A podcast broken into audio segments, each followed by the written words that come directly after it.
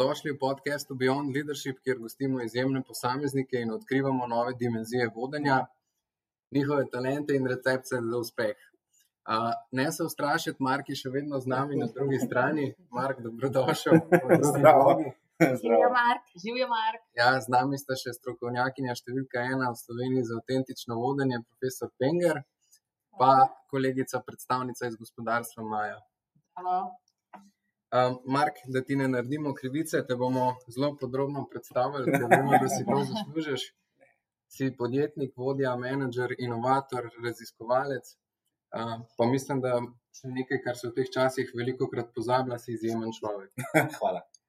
Um, sicer pa tvoje pretekle izkušnje, se pravi, delovne izkušnje, si trenutno direktor podjetja 1337 Works, um, si ustanovitelj, član uredniškega odbora Beyond Leadership Slovenija. Mislim, da te potem poslušalci skoraj najbolj poznajo. Um, v preteklosti, oziroma še danes, si vodja poslovnega razvoja v podjetju Gene Planet DOO, potem si še vodja uh, pisarne za inovacije in nove tehnologije v BTC-DD in pa še veliko ostalih drugih vlog.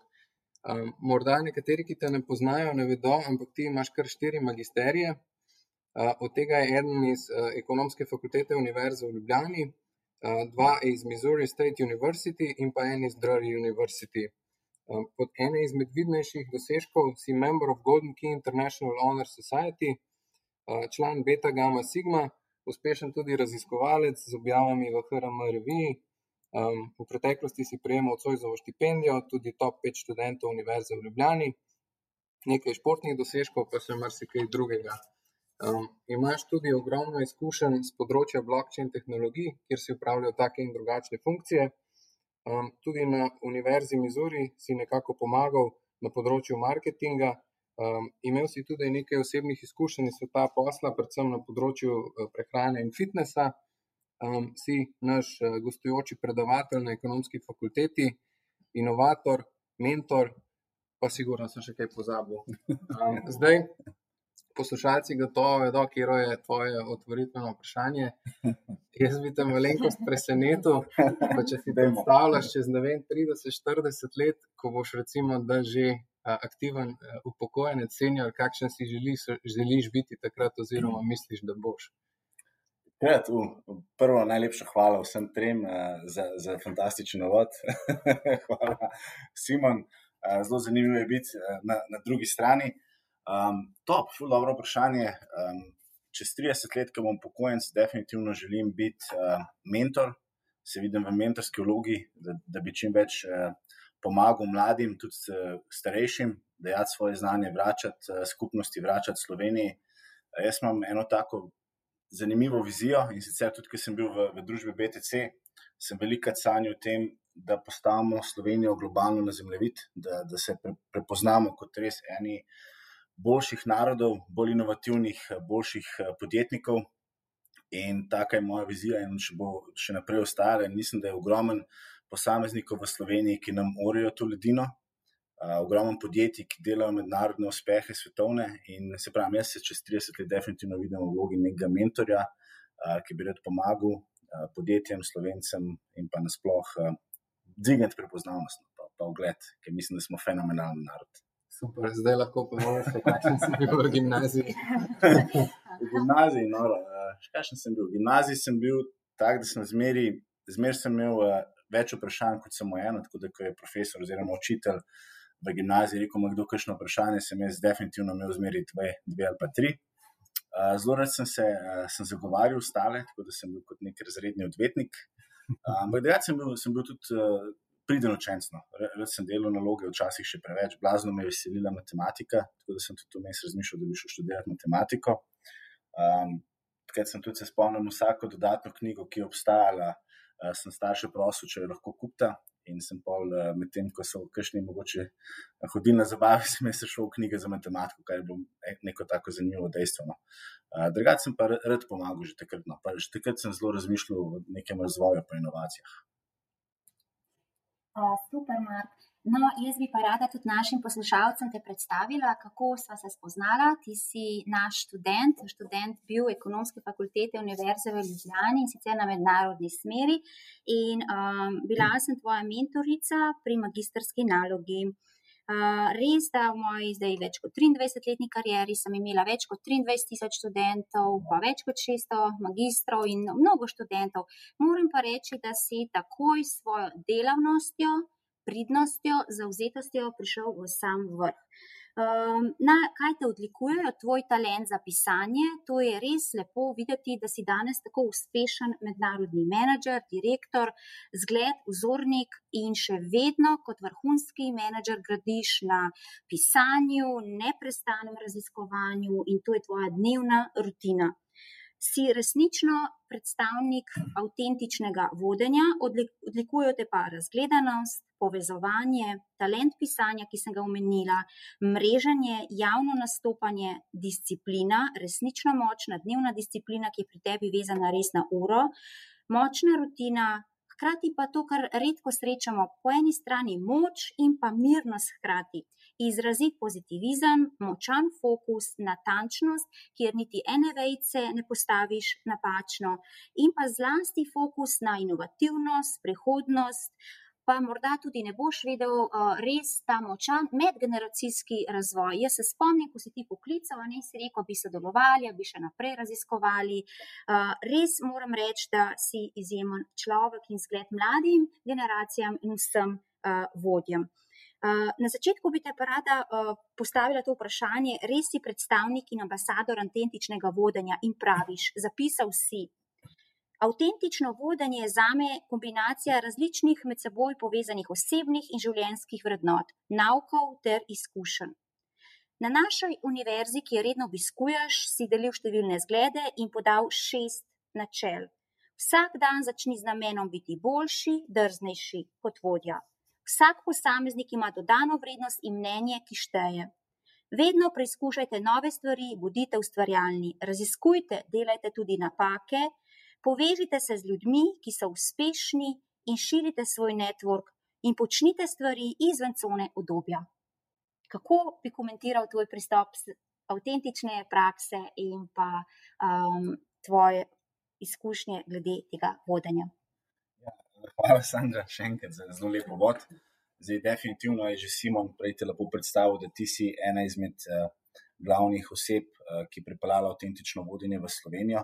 In mislim, da je danes um, to že zelo, zelo prepoznaven pojem globalno in se veliko top menedžerjev uh, vodi s tem identificira in definitivno se jaz tudi.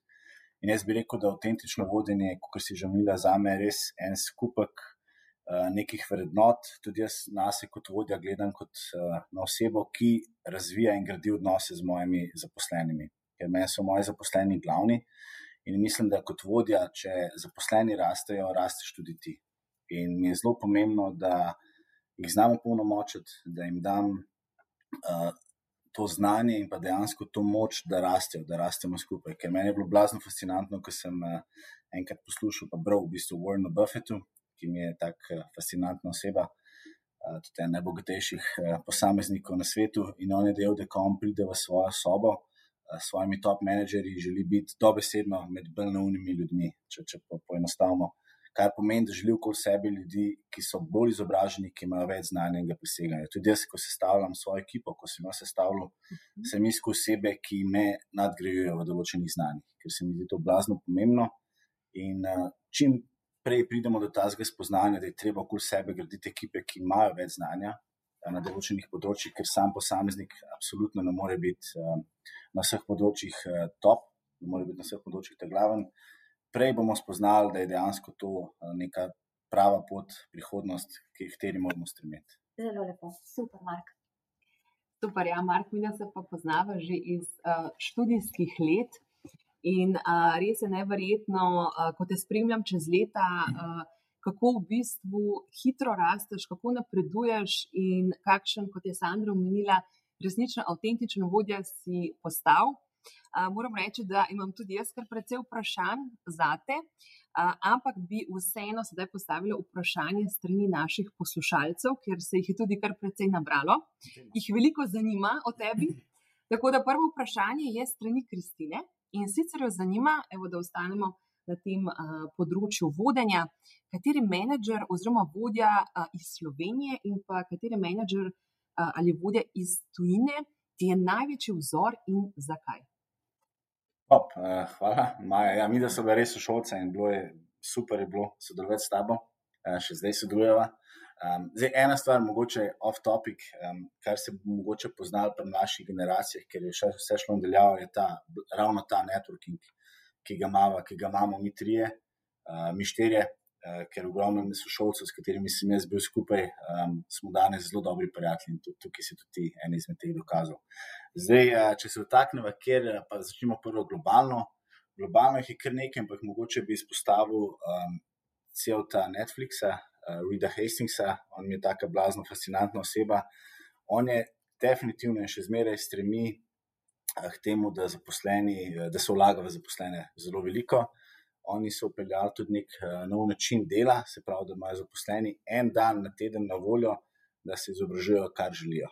Uh, v smislu, ali je to uh, šivanje, ali je to o novih trendih, novih teh, v bistvu karkoli si želijo ker slejko prej to znanje, ki ga bodo zaposleni dobili s tistim dnevom, bo slejko prej prišlo prav v podjetju. A, tako da mi je zelo, zelo zanimivo njegovo razmišljanje in a, se zelo poistovetim s tem. A, kar se tiče po Sloveniji, bom pa po moje izpostavil kar eno osebo, ki jo že kar nekaj časa a, mogoče opevam, pa izpostavljam in sicer a, ne samo predsednik Mermal. Jože Mermal, ampak dejansko Damien Kralj, ki je trenutno CEO BTC-ja, moj dober prijatelj, mentor, in tudi nekako vzornik. Eh, in se zelo veliko pogovarjam in mi tudi zelo veliko svetuje, kako pa kaj. Tako da mi je res eh, neka oseba, avtoriteta v, v, v, v Sloveniji, no, ki, ki jo občudujem. Super, odlično. Hvala, Mark. Um, Kot se mi nekako zdaj, zdaj, ko gledam na plonk listek, sem ene par dosežkov pozabil, tako da bi vprašanje začel še s krajšim opisom. Uh, intenzivno si upet tudi v European Blockchain Hub, to je NGO, Um, potem si sodeloval pri tem, da je BTC postalo prvo neko mesto na svetu, ki uporablja bitcoine, um, pa tudi, da je se nekako transformiralo v smeri pametnih mest, uh, in pa tudi, da ste implementirali te bločne verige v logistični industriji. Um, sam si velik zagovornik inovacij, pa zdaj v tej, recimo, če rečemo, kriptorevoluciji. Kaj je bil, kot sam rad rečeš, tisti aha, trenutek, ko si vedel, da je to tisto pravo pa če si mogoče na kater svoj ta, recimo, spet kriptoprojekt posebej ponosen, pa bi nam ga malenkost predstavil. Ja, lahko z veseljem. Zdaj, ena stvar, ki se moramo zavedati, da smo Slovenci fenomenalen narod. Res eh, briljantni smo, premalkrat se tega zavedamo, premalkrat se pohvalimo. Per capita, definitivno smo vodilni kar v večjih področjih. Eno je definitivno bila tudi blockchain tehnologija in pa kriptovalute. Uh, projektov se je v Sloveniji izvedlo precej, precej je bilo zelo uspešnih, mislim, da smo samo v letu 2018 so slovenska podjetja zbrala več kot 50 milijonov dolarjev investicij, kar so bile precej visoke številke za, tako majhno državo. Um, ogromno svetovnih projektov se je tukaj pojavilo, ne smemo pozabiti na Bitstamp, eno izmed glavnih pa vodilnih uh, borz, kriptoborz na svetu. Uh, podjetij imamo kar precej, eno izmed njih je tudi definitivno Eligma oziroma GoCrypto, s katerim smo postavili tudi uh, močen pečat v Sloveniji, ker smo transformirali BTC City v prvo eh, Bitcoin mesto na svetu, se pravi, kjer se lahko plačuje s kriptovalutami. In praktično se v Sloveniji, mislim, da, že, da je že 150 lokacij, kjer se lahko plačuje s kriptovalutami, kar je res fascinantno eh, število. Eh, en projekt, ki je bil pa meni zelo uh, fantastičen in se tudi svetoval in sodeloval zraven, je pa tudi Origin Trail. Um, ki smo ga takrat upeljali v, v logistiko. Uh, Origin Trail je zelo lep primer blockchain tehnologije za sledenje, uh, kjer smo dejansko povezali uh, več partnerjev, od petrola do BTC logistike do ETE, in smo lahko dejansko sledili enemu produktu, od uh, proizvajalca do končne police, se pravi do petrolove police. In smo dejansko lahko vedeli na koncu na, na, na policiji, točno kje produkt je, iz kje prišel iz katerega skladišča do katere trgovine. In je bilo to zelo lepo videti. In to je bila neka novost takrat. Še, jaz sem šel tudi v, v Bruslju skupaj z Origin Trail ekipo to predstavljati.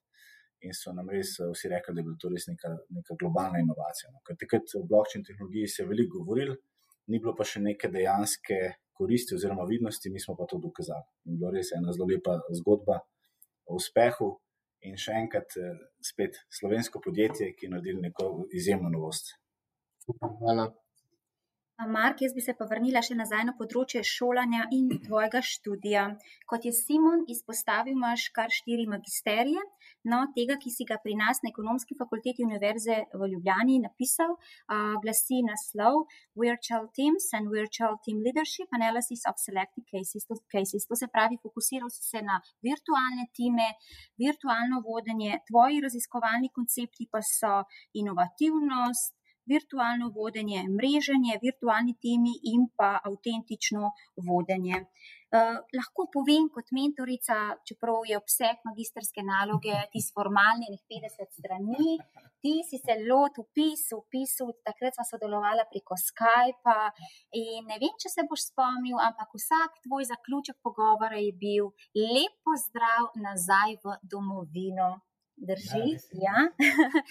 In jaz sem rekla, kako izjemen študent, no, profesor Dimovski, ko z nami sodeluje v programski skupini, si tudi član raziskovalne skupine, pa pravi, Mark je izredno vesten. Poleg vseh ostalih vrednot in odlik, ki smo jih že izpostavili, lahko poveš, ker nas posluša tudi veliko študentov, ki se zdaj pripravljajo na magistrsko nalogo, na zaključne naloge.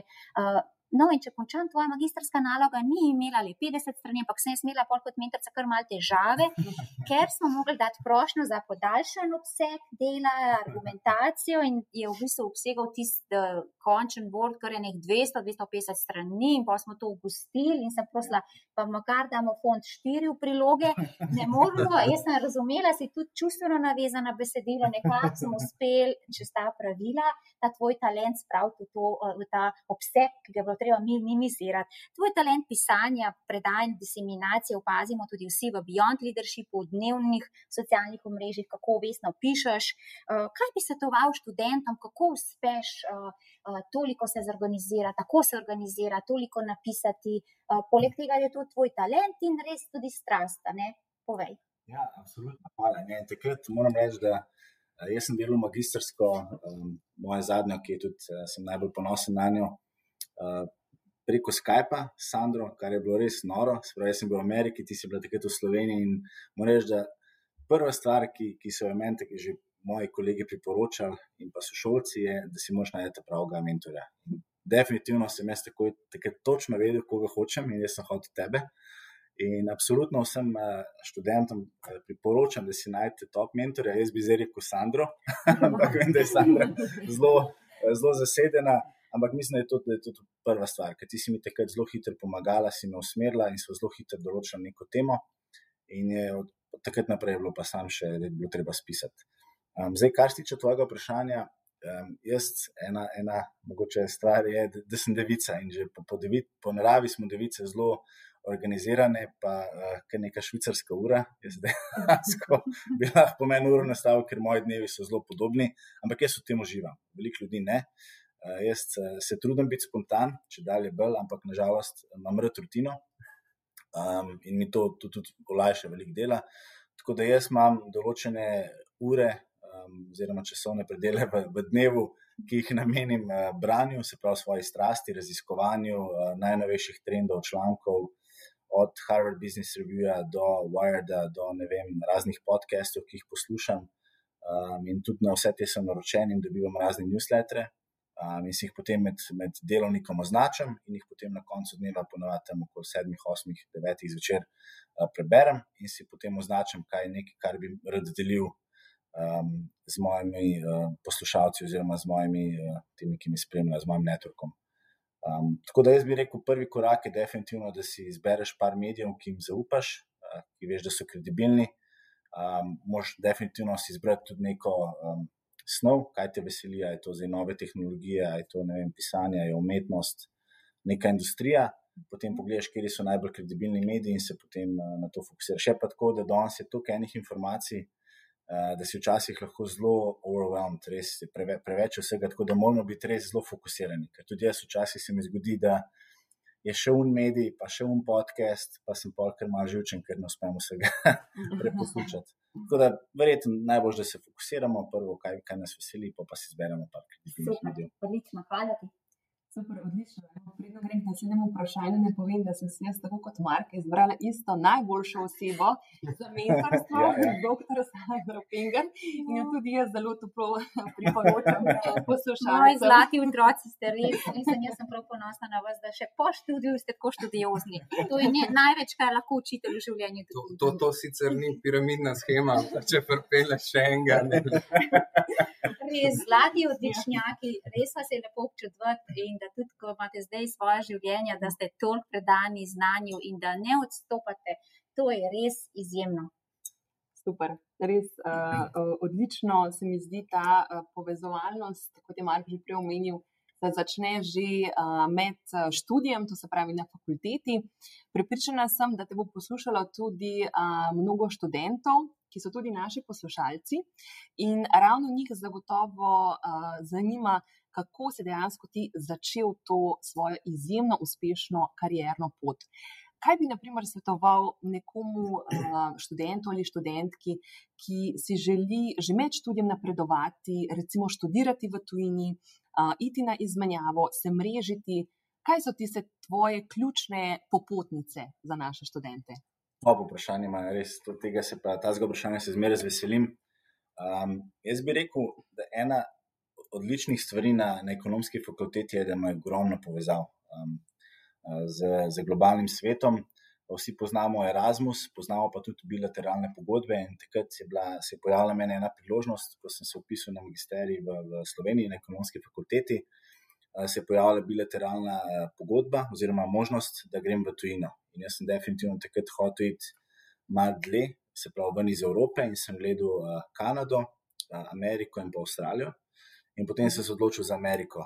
In uh, res je, jaz bi vsem toplo priporočil, da si pogledate vse te možnosti, ki jih ima ekonomska fakulteta, ker jih je res ogromno. In to vam ne samo, da vam odpre nov network, nove ljudi, ki jih boste spoznali. In vam da tudi nek nov pogled, v, nek nov mindset v, v globalni svet. Meni je zelo odprl pogled, in jaz, potem, ko sem se vrnil v Slovenijo, sem hotel čim več teh stvari upeljati, deliti, um, nekako tudi testirati, uh, ker je pač Slovenija mehen, drugačen trg. Ampak definitivno um, bi rekel vsem študentom, uh, pa mladim, pejte v tujino, pejte probat, uh, dobili boste nove navade, osamosvojili se boste, nov network ljudi. Nek nov pogled na svet. Um, Nikoli ne veste, koga boste srečali. Jaz smo še danes ogromno sošolcev iz Amerike, oziroma iz celega sveta, ki se slišimo, ki se dopisujemo. In je res super. No. Vem, da se lahko na vsakega zanesem, na kakšno malo na kakšno malo ampak definitivno je bilo to neka neprecenljiva izkušnja. Ja. Okay, okay. Bi pa mogoče menil, da jaz, ki sem prišel prš prvič v Ameriko, a, sem potem pa zaključil magisterij in potem moja prva služba v Ameriki je bila to tipična The American Dream. A, je bila v bistvu sem delal v Macysu in sem prodajal čevlje. Pol sem na, na po parih mesecih napredoval in so me dali, da sem lahko prodajal high-end jewelry, se pravi nekit, ki je malo bolj vreden. Tako da sem šel po stopničkah in pol moja tretja služba, takrat sem bil pa ful ponosen, ker sem dobil 11 dolarjev na uro, to nam nikoli pozabil. In uh, sem prodajal počitniške pakete. In po dveh mesecih uh, tega dela sem prodal samo en paket. Noben ni hotel kupiti od mene. In uh, ne vem zakaj, ampak je prišel menedžer in rekel: We have to talk. In sem rekel: yeah, I, know, I know what you're gonna say. Uh, ja, in takrat se poslovil v te službe, in takrat se mi je pojavila ena zelo dobra priložnost, in sem prevzel eno franšizo uh, s prehranskimi dodatki, uh, ki smo imeli tri lokacije. Ampak tako hočem povedati, da sem res začel čist uh, na dnu, kako koli, in sem se res ful veliko naučil, in mi je bilo zelo, zelo zanimivo, pa zelo zelo všeč. Izjemno. Ja. Super, res odlično. Lahko bi dejansko rekli, da je to bila, bila tvoja pot. Da Ja. dejansko, tudi če je bila izkušnja, ni bila recimo najbolj pozitivna, Ja, je pa vodilo v nekaj res izjemnega. Ja, je top in iz vsake izkušnje, um, vsakega, recimo, paca ali pa majhnega izziva se največ naučiš. Ti si res borec, tudi Ja. nasmejan si, tako razlagaš žar. ja, ja. Ja, se pravi, to, da nisem takrat nič prodal, je bilo res meni nekaj zelo presenetljivega, pa sem se trudil, pa ni šlo. Um, super. Zdaj, po refleksiji, vidim, da imamo spet malenkost dolgo vprašanje, tako da bi ga razbil na dva dela.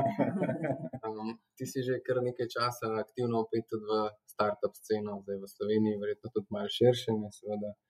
um, si mogoče opazil kakšne razlike pri startupih od takrat, ko si se na to področje vključil, pa do danes? Pa mogoče tvoj najboljši nasvet za nekoga, ki se tega loteva, glede tega najpomembnejšega, se pravi, scalability proizvodov ali storitev, pa seveda, da dolgoročno, kako lahko preživi na trgu. Zdaj, če se vtaknemo prvega vprašanja, ja, definitivno se je slovenski ekosistem zelo spremenil.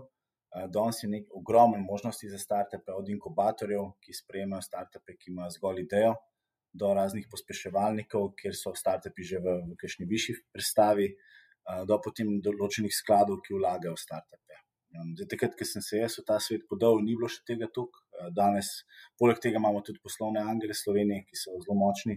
Tako da danes je res ekosistem v Sloveniji blazno bogat. Samo treba ga je poiskati, treba je prositi za pomoč, narediti ta prvi korak. Um, tudi takrat smo v BTC-ju poštartali ABC pospeševalnik, ki je še danes en najboljših pospeševalnikov v tej regiji. Uh, mislim, da je bil dve leti, so tri leta no, najboljši pospeševalnik v tej regiji in ogromno startupov je prišlo čez naš sistem.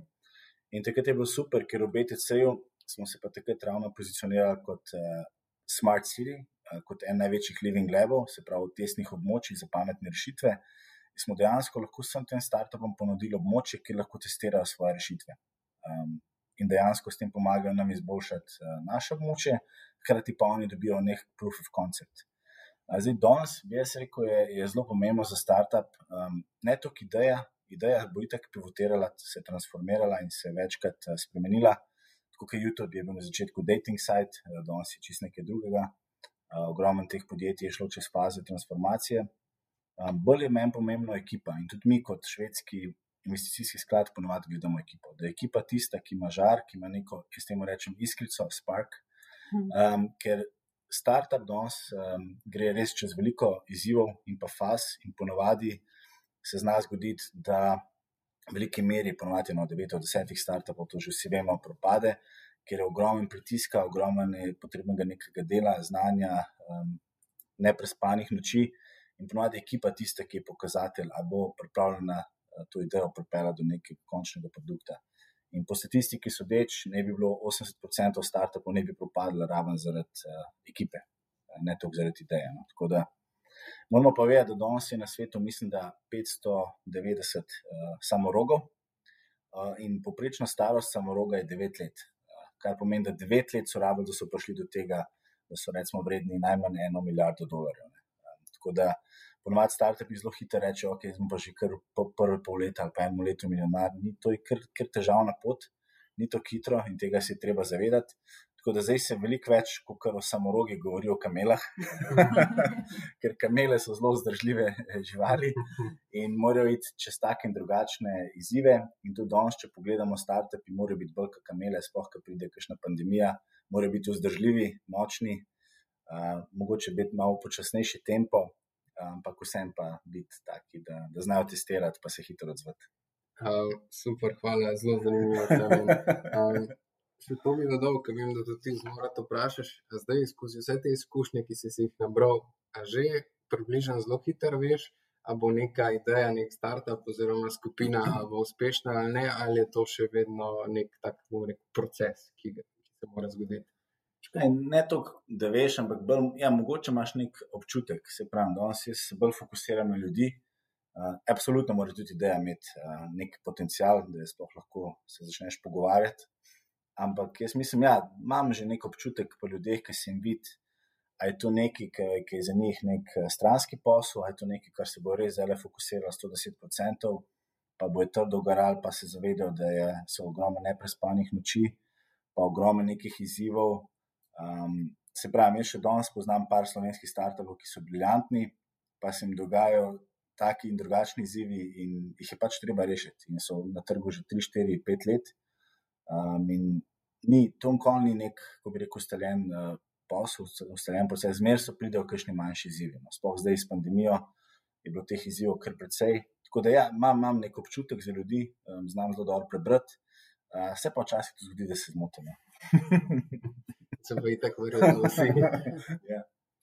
Uh, izjemno, Mark, veliko znanja si nam zdaj že predal. Jaz si kar delam zapiske, vidite, tako se učim od mojih mladih, izjemnih, uspešnih nekdaj študentov. Uh, zaupal si nam, fokus je bistven, rutina, disciplina, od katere ne odstopaš. Uh, pri gradnji ekipe je ključen žar v očeh, vse čas omenjaš ekipo, strajnost. Um, prepoznavamo te in si res vzornik avtentičnega vodenja, vse gradiš na znanju. Dodala bi še, pa morda res redko srečamo v praksi primer vodje, če upoštemo model vodstvene mreže, je lahko vodja usmerjen ali bolj k ljudem ali pa bolj k nalogam. Ne? Recimo pri tebi najdemo ta izrazit fenomen, uh, kjer si usmerjen tako k ljudem kot k nalogam, kar lahko mi vsi potrdimo, ne drži. Ja, tako da si res discipliniran pri pisanju, um, bom rekel, rekla, doseganju ciljev, analitičnosti, Excel tabelah in pa hkrati tudi maksimalno dovzetev ljudi. Zdaj bi pa ekipa je pravzaprav nekaj in pa ta žar, ki te vse čas izpostavljaš, ta dva. Te dve pomembni vrednoti, elementa vodenja. Mm, vse to je pa povezano tudi s športno kariero. Povej nam, kdaj se pravzaprav si ti že v, v gimnazijskih letih v, in pa potem nadaljeval tudi v študentskem obdobju, to športno kariero, Eh, rokometno disciplino. Povej, mi, eh, povej nam, kako eh, gledaš na to športno kariero, na pomen športa. Vemo, da iz znanstvenih raziskav pravijo ne, in tudi vodilna podjetja, direktori na lestvici Forbes so večinoma bili športniki z rezultati.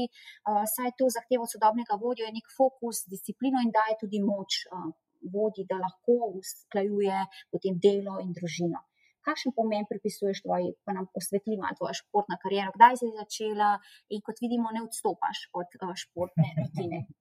ja, hvala. Zdaj, jaz se mi zdi, da je to zelo dobra paralela med poslovnim svetom in športnim svetom. Zdaj, jaz bom rekel, da sem, bil, da sem celo življenje že športnik. Uh, Nažalost, nisem bil vrhunski športnik, čeprav sem o tem sanjal.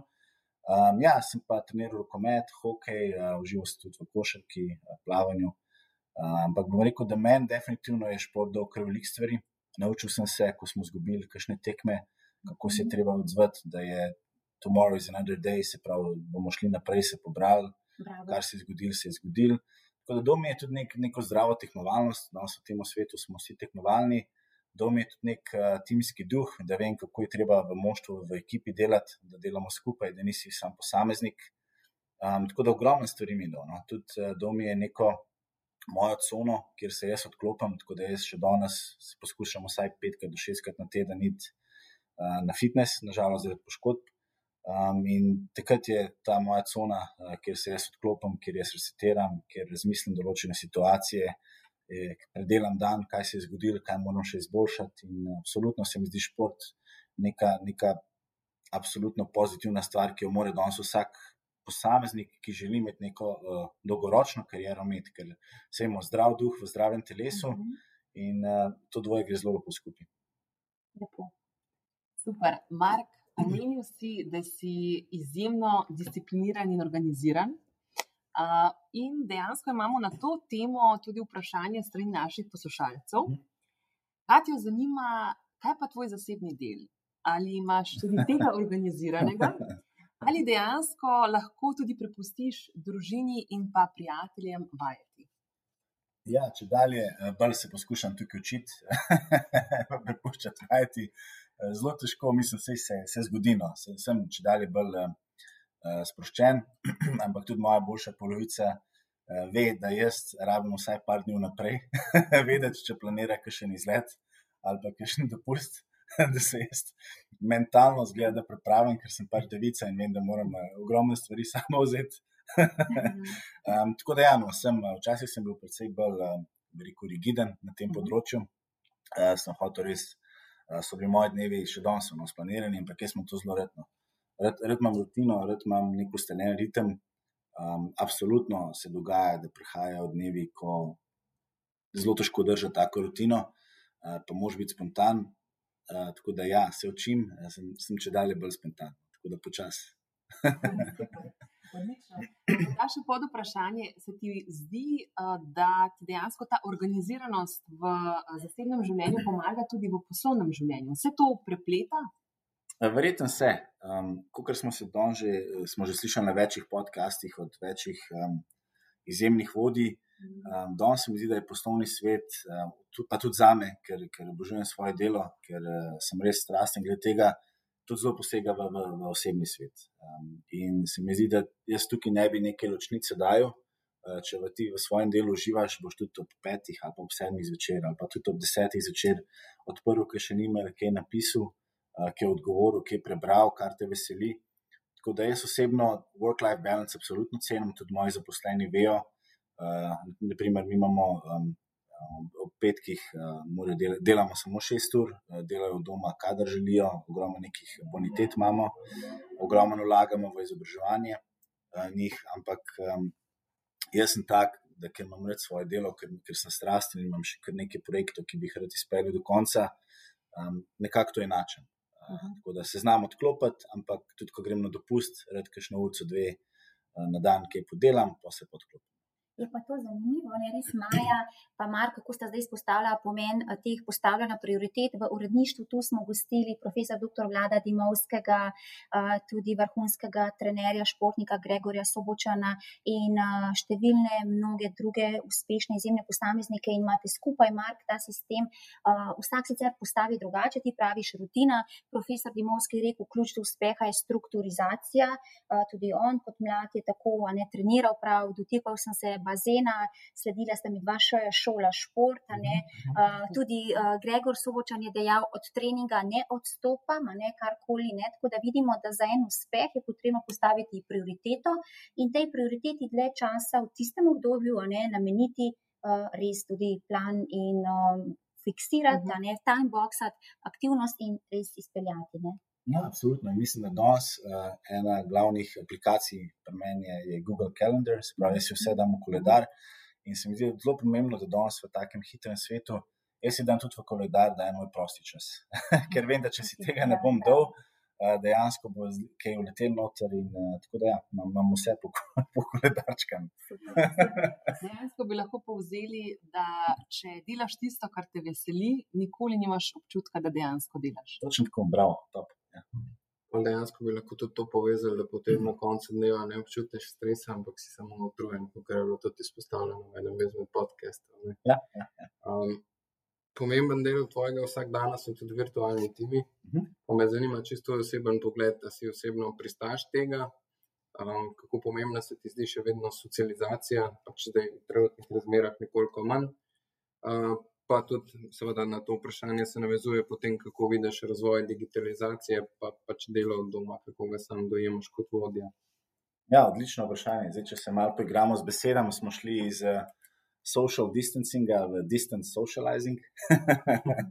Tako da dejansko jaz sem, jaz sem velik zagovornik virtualnih timov. Tudi uh, jaz, ko delam za švedsko podjetje, mi imamo uh, sedež v Sloveniji, na švedskem in pa v Arabskih Emiratih, v Dubaju. Uh, tako da mi smo že kar, kar le, lep čas virtualni oziroma globalni tim. Um, zdaj, ogromno je nekih prednosti, je pa res, da moramo za to, da virtualni tim postane uspešen, pa učinkovit, vzpostaviti neke uh, delovne navade in delovne procese, ker to so dejansko osebe, ki se včasih celo ne spoznajo, ni, ni fizičnega kontakta. Uh, tako da je blazno pomembno, da upeljamo tudi tukaj neke rutine, da se ekipa spozna, da se sprosti ali to, da na začetku sestanka, da se vsak predstav pove, kaj je delo za, uh, za vikend, uh, kaj pričakuje, kako je družina, take neke, uh, ko bi rekel, osnovne stvari, da se spoznajo, da se delijo res neke osebne zgodbe. Um, prednosti so pa definitivno velike. Mi danes lahko praktično iščemo talente po celem svetu, sestavljamo ekipe iz najboljših ljudi, posameznikov iz globalnega sveta. In s tem dobimo tudi pogled iz različnih kultur, uh, različnih, um, ko bi rekel, uh, dimenzij, ki se dogajajo, kakšne države imajo hitrejši tempo digitalizacije, kakšne so mogoče mehke in počasnejše. In meni se to zdi res neka lepa rešitev. In tudi danes, ko s pandemijo smo spoznali, da je vse mogoče, da se vse da. Praktično smo čez noč šli online. Tudi CEO uh, Microsofta Sača Nedel je rekel, da smo v dveh mesecih doživeli praktično dve leti digitalizacije. Jaz mislim, da smo še več doživeli. Um, ogromno procesov je šlo online, prej se je kakšnih stvari ni dal, zdaj se dejansko dal. Uh, spletna prodaja uh, naj bi celo prosperirala v treh mesecih, kot ne bi se zgodili v desetih letih, celo še več. Uh, tako da, se pravi, jaz sem velik zagovornik virtualnih timov, ampak moram imeti neke delovne procese. Se pravi, da se ekipa res počuti kot neka fizična ekipa, da se veliko spoznavamo, pogovarjamo, vemo, kaj se dogaja, dogaja imamo kakšne družinske člane, kakšni smo, kako se počutimo. Um, in pol lahko res narediš tako ekipo zelo učinkovito, zelo, zelo povezano. Ampak jaz se pravim, jaz sem že tako zagovornik ena na ena pogovorov. Mi z ekipo se vsak teden usedemo, predebatiramo, kaj bojo počeli za vikend, ker se mi zdi blazno dobro, da se vsi sprostimo. Zdaj ne rabijo iti v podrobnosti, ampak tako se pa dejansko vsi, vsi spoznamo. No? In se dejansko imamo tudi, smo zdaj uvedli eno stvar, ki jo probavamo že zadnji mesec, Facts and Snacks, kjer dejansko tudi na koncu tedna, vsak petek delimo. Um, vsak v ekipi predstavlja neko stvar, ki ga veseli. Ali je to nek hobi, ali neka stvar, ki ni povezana s službo, nekaj, kar dejansko ni povezano s delom. Tako da se malo bolj spoznamo. In jaz vem, da to bo dolgoročno zelo koristilo ekipi, ker se bomo bolj povezali. Pa dejansko se bom jaz tudi naučil, ne vem, uh, roki delil nekaj v motorjih, Andrej uh, bo delil nekaj v fitnessu, tako da se bom še iz teh področji nekaj uh, naučil. Upam, da sem odgovoril na vprašanje. No, jaz mislim, da se je samo da mogoče dodam, sem prepričana, da boš tudi ti lahko kaj o fitnessu povedal. Bom, bom, bom. Uh, Mark, nedvomno si ti vizionar in pa inovator. Uh, to so koncepti, ki te zanimajo teoretično, ampak uh, dokazal si, da si pa tudi izjemen res v praksi. V času prve COVID, bom rekla, prelomnega trenutka te krize, si ti prišel do ideje še nadgradnje povezovanja z akademijo. Um, nastala je ideja, si oče, pionir. Uh, platforme Beyond Leadership, kjer zdaj sedimo v uredniškem odboru. Predhodno smo se srečevali že kakšnih slabih deset let na ekonomski fakulteti, stalno mrežili, gostovali, uh, si izjemen predavatelj, gostujoč uh, gost uh, pri profesor dr. Vladu Dimovskem, pri profesor dr. Juditi Peterli in profesor dr. Mateju Črnetu, docentki dr. Aleši Saši Sitar. Ti resnično z vsem srcem, s strastjo vračaš znanje nazaj študentom in študenti ti resnično uh, občudujejo. In tudi naš gost Aljoša Domjan je dejal, da v kriznih trenutkih v gospodarstvu so priložnosti za rast ali pa. Tudi za neuspeh. In uh, ko sem začela, sem izpostavila, si vizionar in res um, predstavnik uh, vizionarskega vodje, inovatorja. Kako je nastala ta ideja, ko si ti res v teh bom rekla, tistih eh, res zahtevnih, težkih prvih marčevskih eh, tednih eh, razvijal to idejo in potem res pisal. Kako, se morda spominjaš, kako si prišel do te ideje? Ne? Ker je le v tem težkem trenutku si ti razmišljal o neki novi rešitvi. Ne? Ja, super vprašanje. Zdaj, jaz sem zelo vesel, da, da, da kje smo ta projekt pripravili in kam še bo šel. Res ekipa, ki smo jo postavili, mislim, da bomo res naredili neke nove um, nove legacy oziroma menike v Sloveniji, ker eh, nekaj tazga smo rabili. Um, zdaj, jaz sem član večjih združenj in vsa združenja so odlična, od združenja Manager do MČM-a, eh, Slovenian Business Club, eh, British Chamber of Commerce, vsa združenja podpiram, res nore zgodbe se dogajajo, ampak ni bilo pa združenja, ki bi se dejansko povezal z, z akademsko sfero. In to se mi zdi, da je manjkalo. Uh, jaz sem bil zmer velik pristaš in sem bil zaljubljen, ko sem hodil še kot študent na ekonomsko fakulteto, ko smo dobili gosta iz prakse in jim je ta gost delil njegove izkušnje, njegove nasvete, njegove izzive, še bolj pomembno kot zmage, izzive, uh, da smo dejansko spoznali, kaj se dogaja v, v, v praksi. In tako sem jaz rekel, da bi bilo dobro narediti neko združenje, kjer imamo po eni strani uh, poslovni svet, dobimo pogled o izjemnih posameznikih, ki jih Slovenija ima, pa se premalo zavedamo od raznih direktorjev do vodij startupov, do predsednikov uprav, katere smo že delili, do hkrati tudi profesorjev po drugi strani, ki skrbijo za naš, eh, za naš narod in za našo izobrazbo. In se neko, da je bilo zelo dobro slišati, kako nek eh, podjetnik vodi svoje podjetje. Kako naprimer Blaž Brodnjak, ki ima 6000 zaposlenih v NLB skupini, kako on sprejema um, odločitve, um, kako on motivira, pa kaj po drugi strani prav uh, akademska sfera, Harvard Business Review, kaj uči ekonomska fakulteta, ki je tudi ena izmed najboljših fakultet v, v tem delu sveta.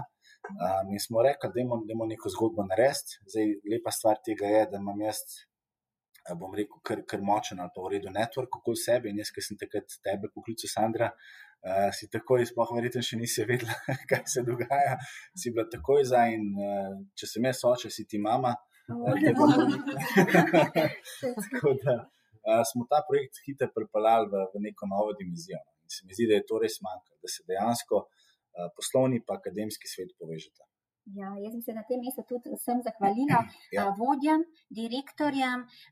Ta hip lahko povemo iz predavalnice, online predavalnice, z vašimi podcasti, znanjem pomembno prispevate k kakovosti učnega procesa naših študentov pri menedžmentu, izdelujejo seminarske naloge in tudi v teh razmerah COVID-19 lahko slišijo vaše življenjske zgodbe in jih integrirajo v svoje seminarske naloge tu tudi Maja z nami, ki je asistentka pri predmetu, a ne veliko jim pomenijo vaše zgodbe in omogočili ste, da lahko študentje delajo na realnih primerih. Tako da res hvala vam in čisto vse, ki smo vas pozvali, ste uh, pozitivno odgovorili in pač takoj pokazali sodelovanje. Tako da se vam res zahvaljujemo in uh, smo uh, za to res hvaležni. Res je, tako kot je rekla Sandra, lahko povem iz prve roke, da študenti to izjemno cenijo.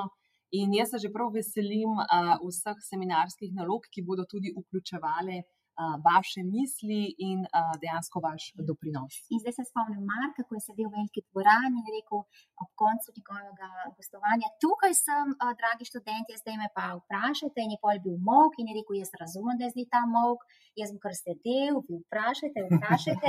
In povej, Mark, kako ti veliš potem, ta mok traja in Mark potrpežljivo sedi. In jaz rečem, zdaj pa spoštovani študenti, zdaj pa morate menedžerja kaj vprašati, ker on ima potem naprej svoje delovne obveznosti.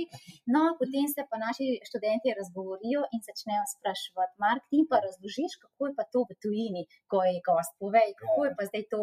Ampak ti si tako potrpežljiv, tako močno, tudi uh, močno empatijo imaš do mladih. In ti si sedel in si rekel, jaz pravzaprav ne bom šel stran, dokler ne bo vprašanj.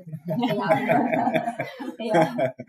ja, veš kaj, ena stvar, mogoče, ki sem se uh, naučil v tujini, v Ameriki, pretežno, ker sem uh, študiral, živel delu skoraj štiri leta, je bila ta, uh, zdaj v Sloveniji bi temu rekel samozavest, jaz hočem biti še malo bolj kritičen in bom rekel pozitivna aroganca, to zmer ponavljam, da dejansko se premalo zavedamo prvič, da imamo ogromno za pokazati v Sloveniji, pa drugič, da je treba spraševati. Um, in jaz takrat, ko sem bil v Ameriki, uh, ko sem študiral, ko je pro profesor postavil vprašanje, smo čisto si dvignili roke. Ni bilo enega študenta, ki ne bi dvignil roke. In to je bilo, to je bilo meni res fascinantno, ker pri nas je mogoče par študentov, uh, ki smo izstopili, ki smo dvigovali roke, večina uh, jih je bila mogoče je bilo malo naroden. Tako da zato sem jaz rekel, da definitivno je treba spodbujati, da se sprašuje, ker samo z, spraš, z vprašanji bomo prišli do nekih novih spoznanj, pa znanj.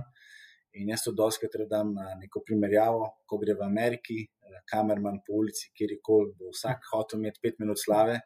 Pri nas načeloma, če gre po čopovi, kamerman se bomo večinoma vsi umikali in ne bomo hoteli svojih pet minut slave, ker nam je mal naroden. In jaz še enkrat zelo močno apeliram na vse nas, da nimamo biti za kaj naroden. Mi smo blazen narod, ogromni, da imamo ogromno podjetnikov, uspešnih, mednarodnih. In uh, smo, smo res, meni smo zelo fantastičen narod. Je pa res, da jaz vedno tudi povem našim menedžerjem, menedžerkam, ki nas obiskujejo in povem, veste, tukaj sedijo res izjemni tudi naši študentje, so odličnjaki, pridni in ne sprašujejo zato, ker potem pridejo k meni in reče, profesorica, profesorica, to so tako izjemni gosti, nimam kaj vprašati, ne upam se vprašati. Ne? Ja, tako da iz spoštovanja dejansko ti zlati študentje ne upajo vprašati, ampak vse več pa sprašujejo, ne? ta trend je zaznati. Ja. Tako da gre. Uh, uh, da smo res izjemen narod, ja, to, kar ti trdiš, Mark. Super, res je.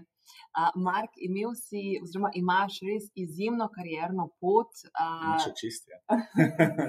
glede tudi na tvojo uh, starost, si že uh, direktor uh, mednarodne uspešne uh, korporacije. Uh, seveda pa ta tvoja pot je, zagotovo si se kdaj srečal tudi z kakšnim izzivom, z, bom rekla, s kakšno prepreko.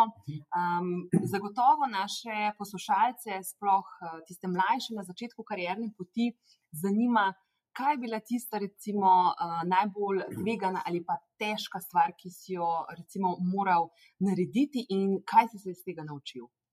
Zelo dobro vprašanje. Zdaj, po mojem, se premaknemo, pogovarjamo o izzivih oziroma o napakah, ki se dogajajo.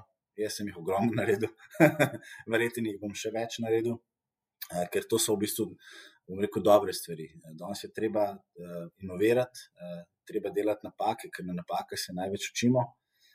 Jaz sem imel kar nekaj takih izzivov, če jih rečem tako poimenujemo. Um, definitivno je bil mogoče en mojih prvih izzivov, ko sem začel na svojo karjerno pot, da sem imel zelo uh, močan ego. Uh, takrat se tega še nisem tako zavedel. In sem res na vsako tako mogoče odločitev, ki ni bila meni pisana na kožo, odreagiral uh, posebno napačno. Uh, sem bil tipičen primer, ki ni tega prespal, ampak je takoj odreagiral na mail ali pa na klic ali pa na karkoli. Tako to je bila definitivno ena zelo velika lekcija, ki sem se jo naučil tekom let, da sem zelo probo delati na svoji čustveni inteligenci oziroma inteligentnosti. Um, ego, potem ena stvar, ki sem se jo naučil, je, da je zelo dobra, da sem naredil mogoče tipično napako, da smo s kolegi hm. ob pijači se odločili, da bomo odprli podjetje. Zdaj pravi, ne tega delati, mi smo to naredili, in sicer nas je bilo pet. In vsi smo danes zelo uspešni posamezniki, rajš ne bom izpostavljal, kakšni so mogoče še bolj znani medijsko. In ja, in to je bil v bistvu en zelo velik, bom rekel, izziv, ki smo se ga lotili takrat. Probali smo ga držati po koncu dve leti. Podjetje smo zaprli, žalost ni uspel, kako smo se trudili. Tukaj, se, tukaj sem se res veliko naučil. Od tega, da je um, treba res dobro pogledati, s kom greš v, v, v, v neko poslovno pot, ne glede na to, je to tvoj prijatelj, družinski član poslovni partner. Včasih se zgodi, da, da si mogoče nismo kompatibilni tudi v znanjih, kot tudi v, v karakterih. Um, naučil sem se tudi, da včasih je treba res, ko uh, še enkrat izpostavim svoj ego, da je malo na stran, uh, pa pogledati večjo sliko. Um, potem jaz sem bil zelo, zelo velik um, rekel, čeprav, čeprav sem izhajal iz timskega športa, sem tudi velikrat rad um, kakšne stvari, sploh uh, na karieri in pa tudi v, v um, svojih študijskih letih delal sam, od seminarskih, ker sem vedel, da bom sam predvsej boljš naredil kot ekipa. Tako da to je bila tudi ena stvar, ki sem jo uh, tako v poslovnih sferi, kot tudi v akademski sferi hitro ugotovil, da to ni res, da je treba sodelovati. Um, tako da, ja, ogromno je bilo takih nekih izzivov, napak, ki sem jih naredil, uh, projektov, ki niso bili uspešni en izmed večjih projektov, ki verjetno noben, ko za njega ni slišal. Ker predvsej vložili v BTC, je bila aplikacija BTC City priložnosti, ki je bila namenjena vsem obiskovalcem BTC. -a.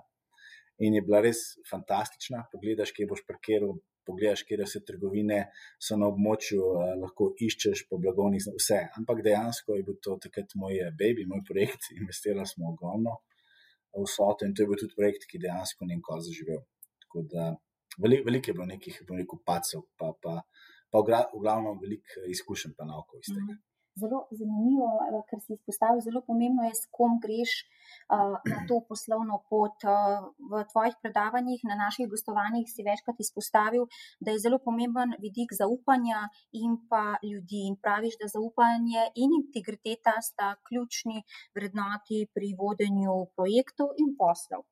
Um, danes smo imeli na ekonomski fakulteti, na Centru poslovne odličnosti ekonomske fakultete, uh, Akademijo vodenja in modul, uh, ki ga je vodil profesor Pimovski, veliko je govora prav o zauzetosti in se zaupanju. Uh, bi lahko mogoče povedal tvoj vidik, uh, ker vidimo, govoril si o gradnji ekipe, o mhm. pomenu ekipe, um, o fokusu.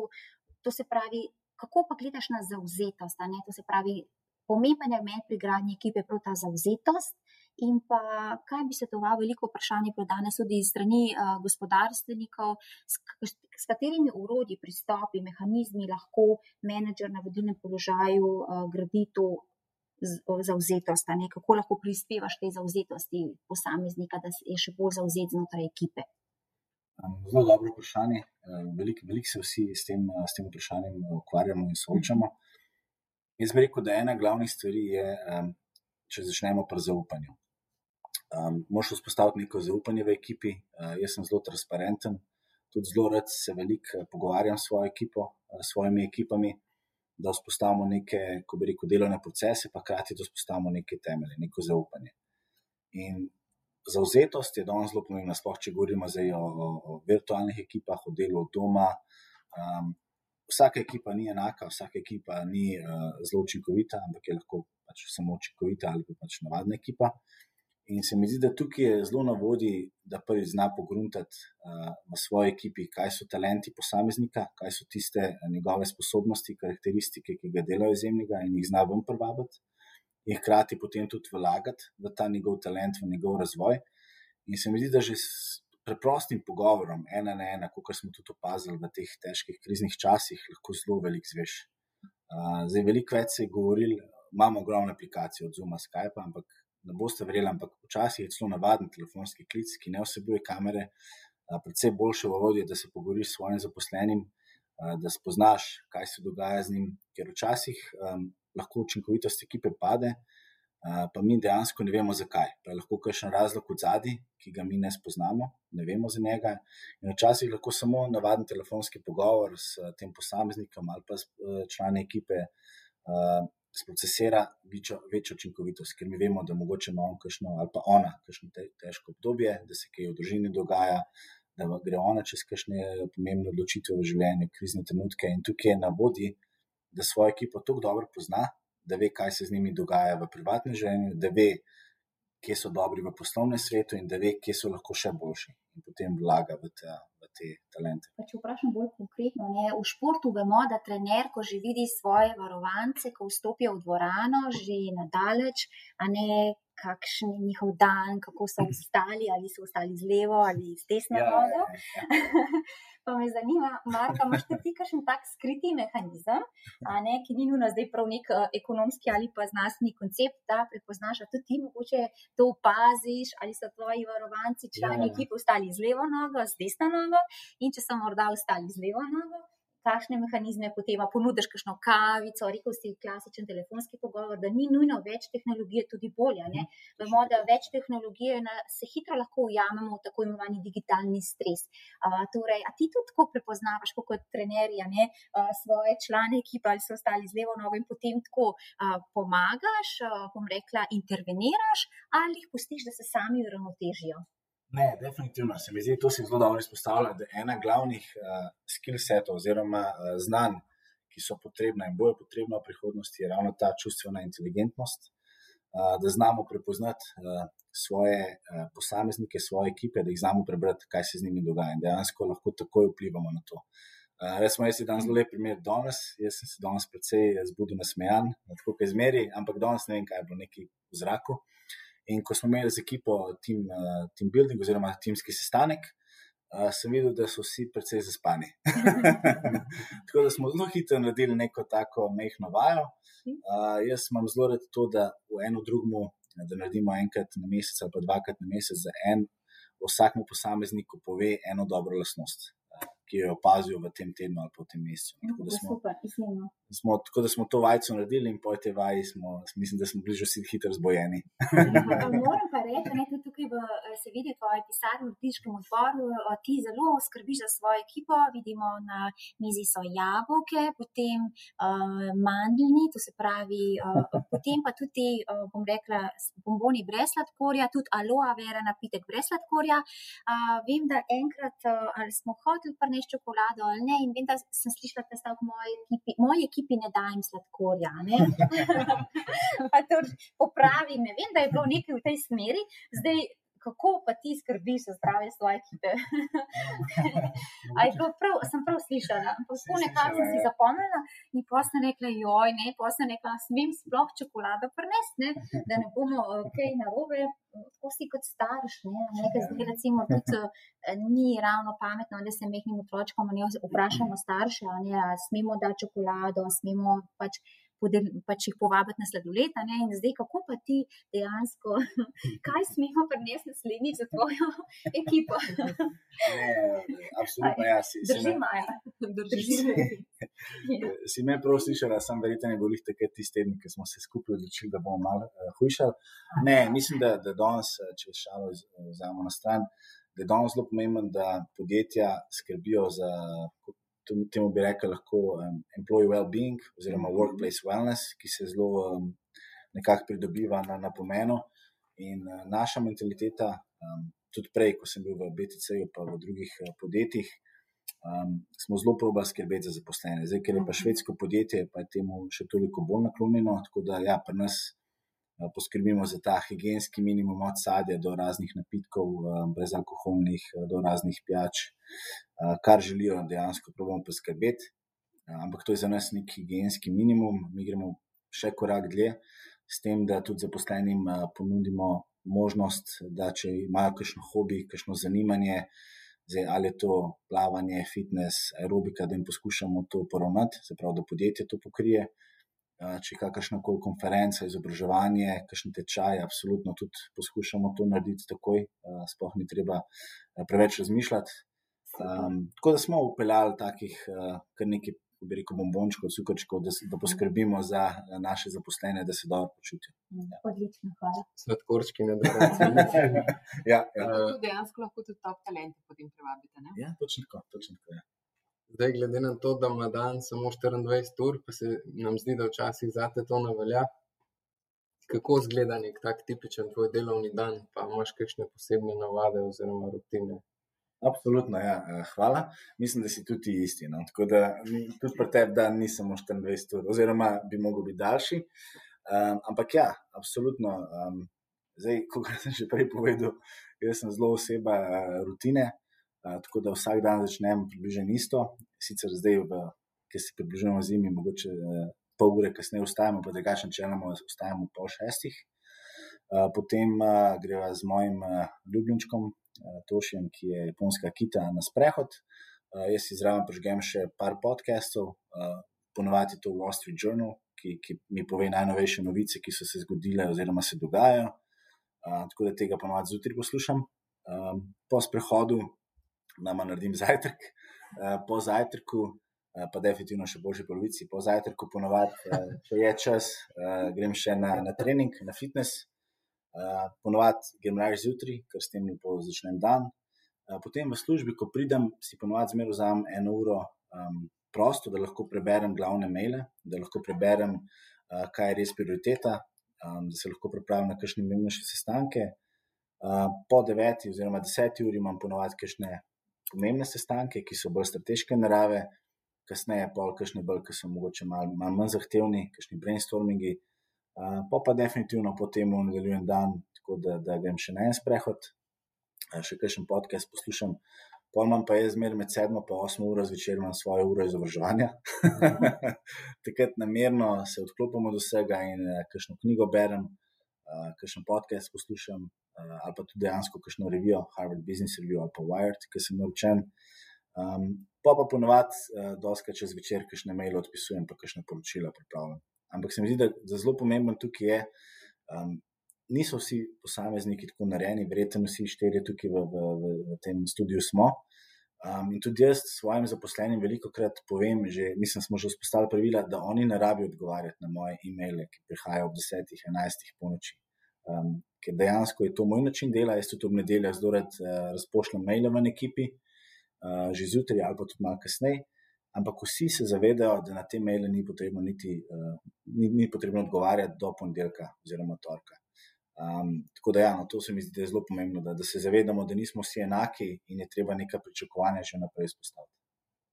Zelo lepo, Simon je res izpostavil uh, to tematiko, tvoje rutine. Uh, res tudi našim študentom si tako lepo vedno delil, da res kako zjutraj vstaneš uh, in tudi povedal, da uh, si postaviš glede organizacije in obladovanja časa, time managementa, teže sestanke v dopodanskem času in uh, res, kar si povzel. Dejansko si mi vzel vprašanje, tako da si že odgovoril. Uh, bi pa zdaj šla na eno, vrnila bi se na vodenje in sicer me, zato, ker deluješ uh, v mednarodnem okolju, uh, deloval si in vodiš v multinacionalkah, v mednarodnem okolju si direktor mednarodnega podjetja. Kako, bi, kako ti gledaš na trende, katere trende na področju vodenja zaznavaš? Izpostavil si že inovativnost, digitalizacijo, um, avtentičnost, dobro počutje na delovnem mestu, verjetno to predih švedske kulture. To, bi, kako gledaš na trende v vodenju? In drugo pod vprašanje, res ta primerjava med švedsko kulturo vodenja in pa morda našo, ali bi lahko rekli, da je to slovenska, ali pa mogoče še tretja mednarodna dimenzija. Mogoče bi izpostavil kakšne dobre prakse ali pa kaj pri nas še manjka, oziroma na katere trende vodenja naj se pripravimo. Um, kako ti zaznavaš te trende? Super vprašanje. Um, ja, zdaj, če ga malo razbijemo, se mi zdi, da definitivno danes vodenje, kot sem že prej omenil, grejanje odnosov v prvi smeri. In tukaj se je treba res fokusirati na, na vsakega posameznika. Tudi če je ekipa velika, si treba za vsakega posameznika čas vzeti, pa se pogovarjati v, v ožjem krogu. Um, zdaj, trendov je ogromen, jaz mislim, da zelo se je potreba, uh, se potrebno fokusirati na, na čustveno inteligentnost. Se mi zdi, da je to res ena izmed ključnih stvari, um, ker ogromno nove tehnologije prihaja, od robotike do blockchaina, do umetne inteligence, do virtualne realnosti.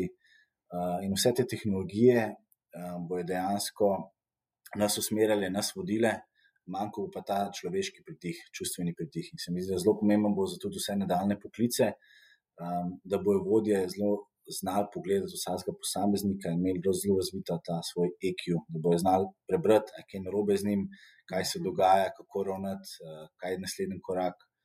Um, zdaj, kar se tiče vem, Švedske, Slovenije, absolutno je, je kulturna razlika, ali pa tudi dobaja, potem po, po drugi strani. Um, kar opažam, je, da smo mogoče Slovenci bolj natemperani, mi smo zelo delaven, pa priden narod, Švedi, absolutno tudi, ampak tam se vidi večja mera umirjenosti, večja mhm. mera zaupanja, večja mera mogoče opolnomočenja. Ki se pri nas morda še ni tako izrazita, vsaj ne v vseh organizacijah, v podjetjih, ogromen delo na tem, da je res zaposleni številka ena v podjetju, da ima vsak zaposlen svoj glas in pa svojo pravico. Tako da, da bi, se, da bi se kdo karkoli uh, prišlo do kakšnega konflikta, res zadnja, zadnja stvar, ki bi prišla do kakšnega konflikta na švedskem. Tako da res, res se skrbi in tudi to smo probali tukaj v Sloveniji spostaviti z ekipo.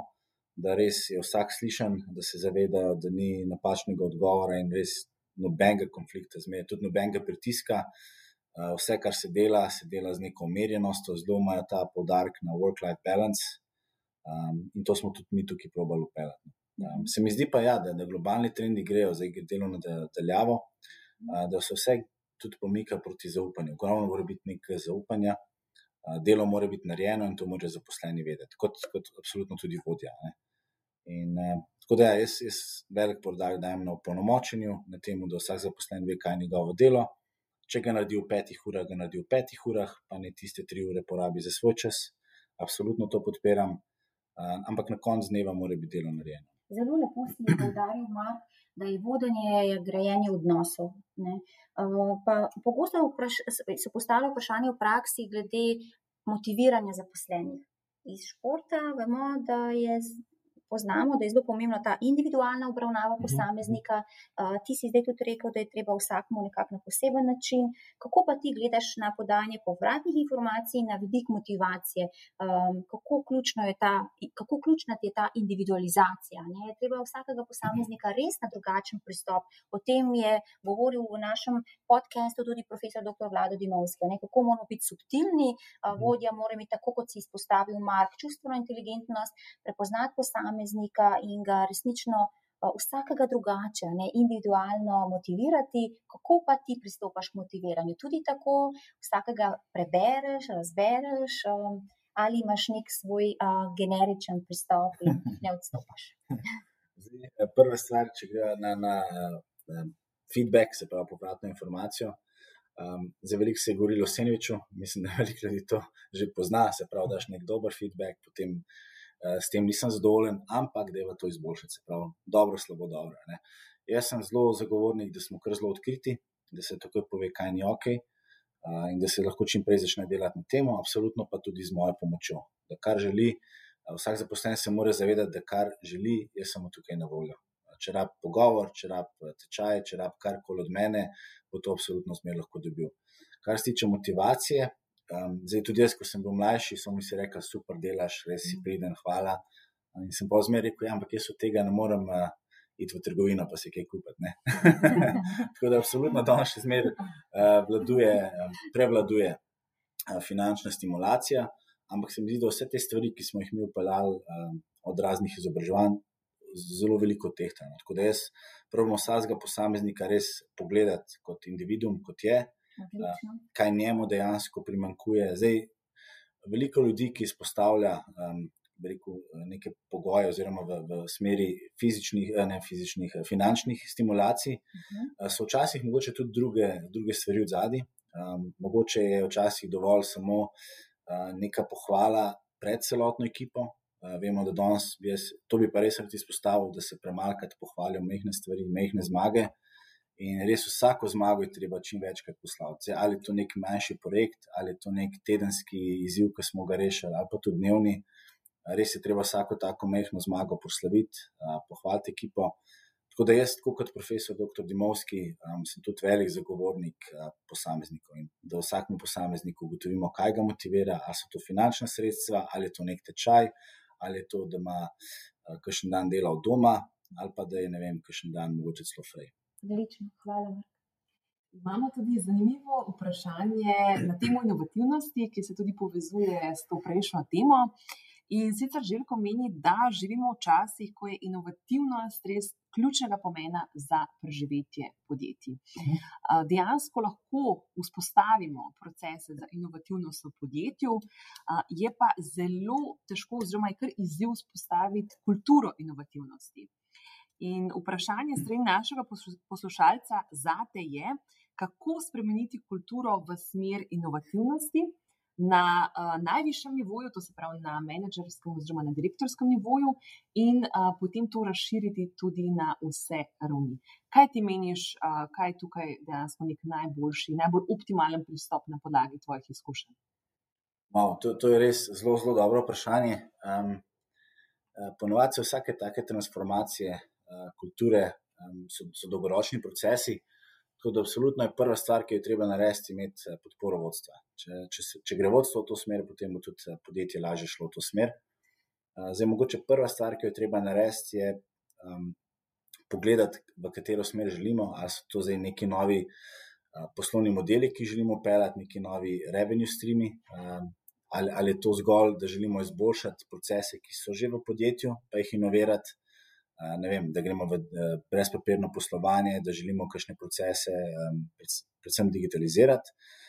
Ogromno stvari je pa tudi, ki jih podjetja ponovadi pogledajo, tudi, da prva stvar, ki bi se zmeraj mogli fokusirati, so naši zaposleni. Ker naši zaposleni imajo ponovadi ogromno idej o inovacijah, točno vejo, ker so že upeti v vse procese, kje so te mehke izboljšave, ki jih lahko najdemo.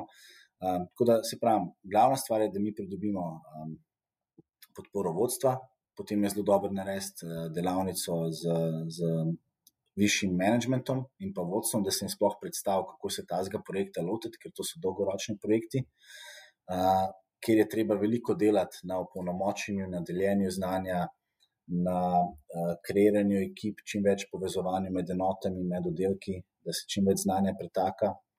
Uh, treba je povedati, da je dejansko vsaka ideja, pa inovacija dobrodošla, Mi smo takrat v BTC-ju naredili prav svojo aplikacijo, aplikacija S-Voice, se pravi Smart Voice, kjer je vsak zaposlen lahko na zelo preprost način oddal svojo idejo ali pa neko izboljšavo, in smo potem v, v komisiji te ideje pregledali in jih tudi ocenili in tudi nagradili. In vsak zaposlen, ki je oddal kakršno koli idejo, je dobil neko mehko malenkost. Ali to USB ključek, absolutno je dobil tudi zahvalo, e-mail, ali pa celo uh, smo sprintali na papir in mu dali v, v fizični obliki.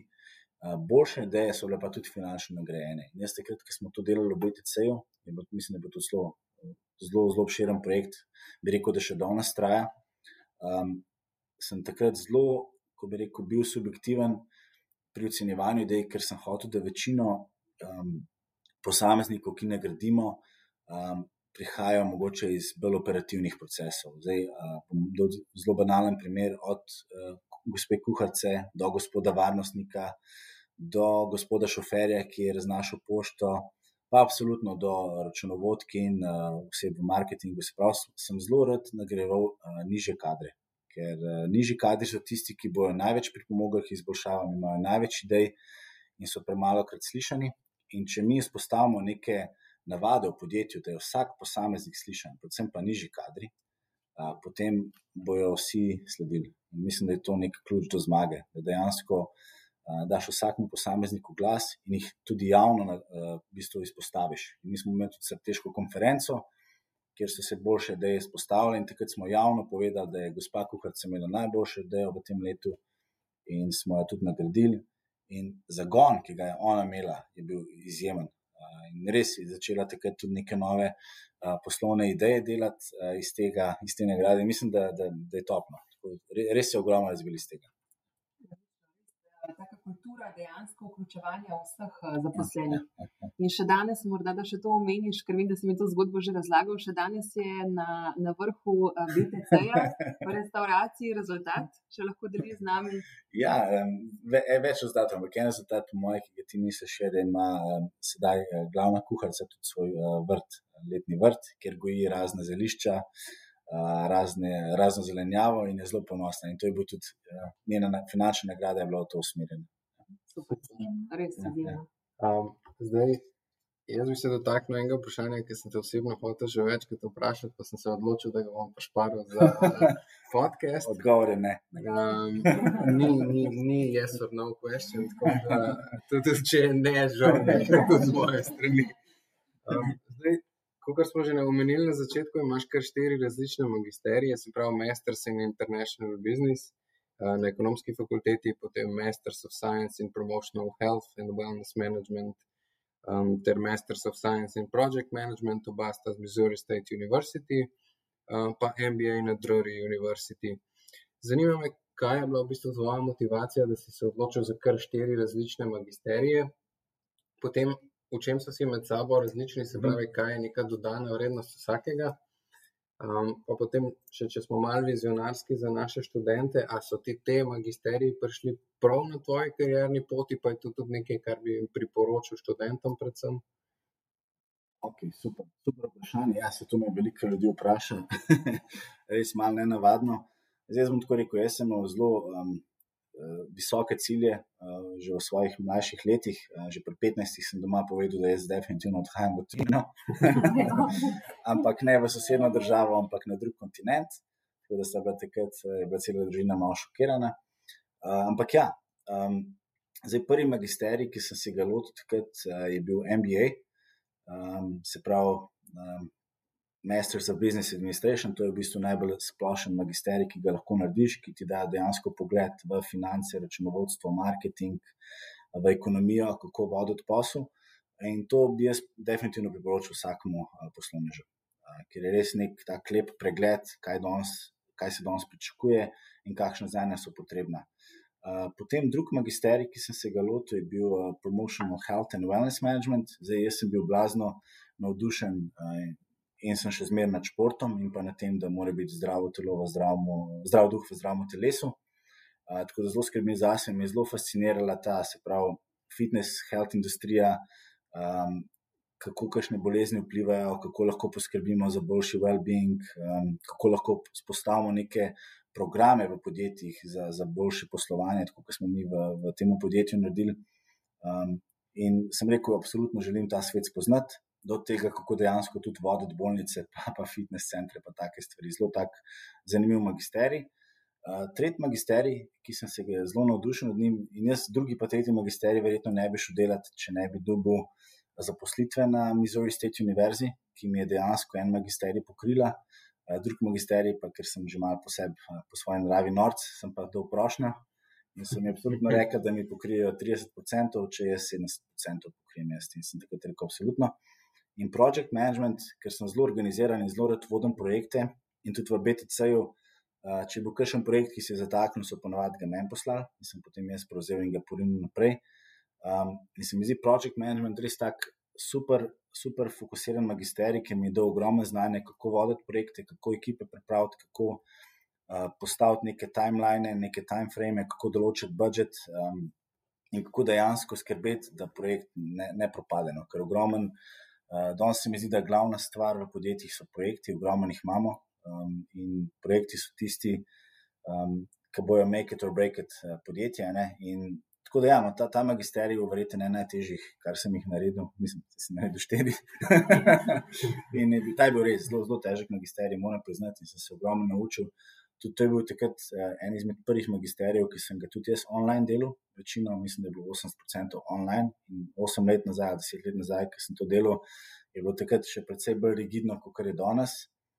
Ampak ja, smo imeli vsak teden novo nalogo, novo seminarsko, um, nova predavanja. Mislim, da ga res zelo natemperam, ampak sem zelo hvaležen, ker mi je res veliko. Jaz se mi zdi, da sem danes ravno o tem zelo dober, da znam zelo dobro voditi projekte, tudi ker se zataknem, znam zelo hitro na to upozoriti, pa premakniti ekipo naprej.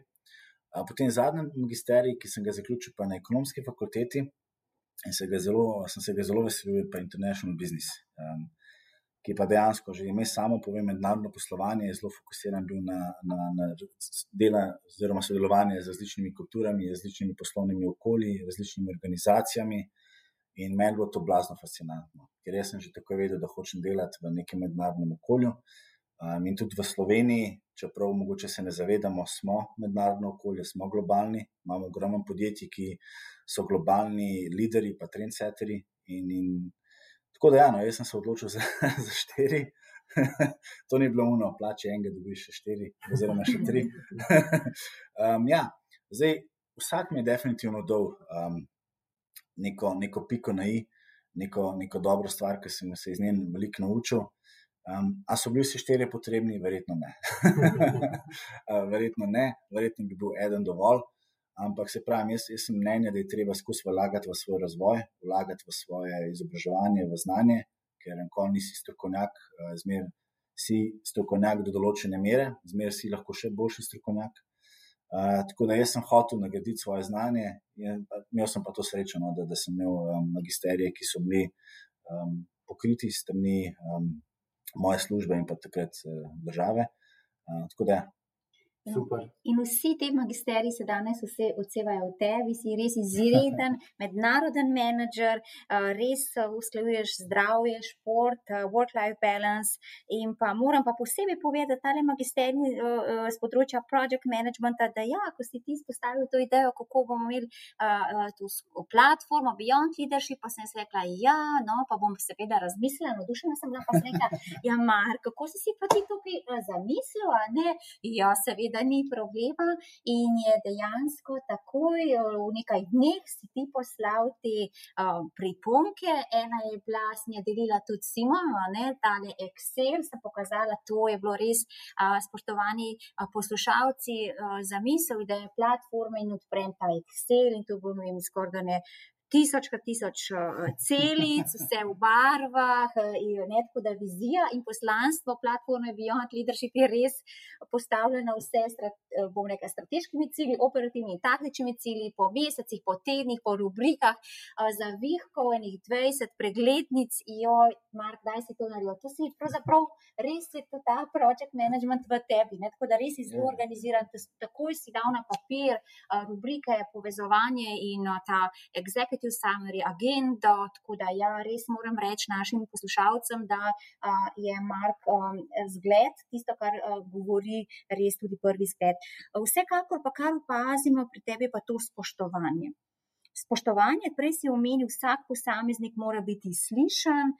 In to tudi pri tebi opazimo. Ne? Ti imaš spoštovanje res do ljudi, poveš, da si gospa kuharica, ne kuharica, pa gospa kuharica. Ti pravzaprav to čisto intuitivno res spoštuješ človeka in človek ti sledi, in pa spoštovanje tudi do znanosti. Jaz moram reči, da si res eden prvih vodilnih menedžerjev ki si tudi tako pristopil do nas in s takim spoštovanjem do znanosti, vsak članek, ki ti pošljemo, ti s srcem prebereš, uh, potem daš povratno informacijo, prebral, analiziral, uh, uh, vse si res označiš, tako da res to spoštovanje in navezala bi se na misel tudi Primoža Zupana, magistra Primoža Zupana, direktora, ki smo ga gostili, ki prav tako kot ti pravi, vsak človek šteje. In ti praviš pa podobno, zelo blizu sta si, vsak posameznik mora biti slišan in tudi ko sledimo ti že zadnjih deset let, tudi uh, na socialnih omrežjih, odgovoriš vsakemu posamezniku, um, posebej nasloviš gospe, starejše, mlajše, vključuješ, povezuješ. Absolutno, zmeri. Ja, jaz sem bil zmerno mnenja, da se je treba povezati, da je treba čim več znanja deliti. Uh, tudi uh, ogromno sporočil dobim na LinkedIn, uh, povabili za kavo in jaz se probujem vsega udeležiti in odgovoriti vsaj v enem dnevu, če ne dveh. Uh, ker meni se zdi, da danes je res največja prednost enega posameznika, zdaj, ali to voditelj ali pa to zaposleni, um, je ravno to, njegova mreža, njegova sposobnost povezovanja, deljenja. Ker samo tako lahko podjetje, organizacija in pa tudi posameznik na koncu koncev raste. Čim več kot deliš, eh, več bo ljudi okoli tebe delili s tabo in tako bomo vsi skupaj hitreje rasti. Mhm, in tudi heterogenost omrežja ja. pomembno prispeva k uspešnosti posameznika, in lažje pridemo do uspehov, ne? kot če bi bili sami nekje v pisarni zaprti. Ne? Tako da ne smemo se pa bati vprašati. Super, Mark, imamo še eno zelo zanimivo vprašanje strani uh, Simone, ki jo mhm. zelo dobro poznam, s Simone mhm. Špilek. In uh, sicer na zanimivo tematiko kritike. Kako se spopadaš s kritiko, oziroma kako jo sprejmaš, in pa kako podajaš svoje mnenje, če moraš uh, podati kritiko. Recimo, ali je to timu, tvojim bližnjim, ali pa morda tudi tvojemu vodstvu. Kako to obvladuješ? Zdaj, kritika je, zdaj lahko to vzamemo negativno, lahko vzamemo pozitivno. Jaz probujem na vsako kritiko gledati pozitivno in se iz nje nekaj naučiti. Zdaj, en zelo zanimiv stavek je, ki reče, da ta oseba ima pa problem s tabo. To je njegov problem, to ni moj problem. tako da jaz se dejansko s tem ne rabim ukvarjati. Um, tako da je, se pravi, jaz vsak, ki ima karkoli proti meni, oziroma če kakšna koli kritika, to zmer z, odprtimi rokami spremem, ker jaz absolutno nisem popoln, se lahko veliko naučim, delam napake, in se potem tudi z njih naučim, in tudi rad delam napake, ker samo če delamo napake, vemo, da ne smemo iti levo, ampak gremo desno.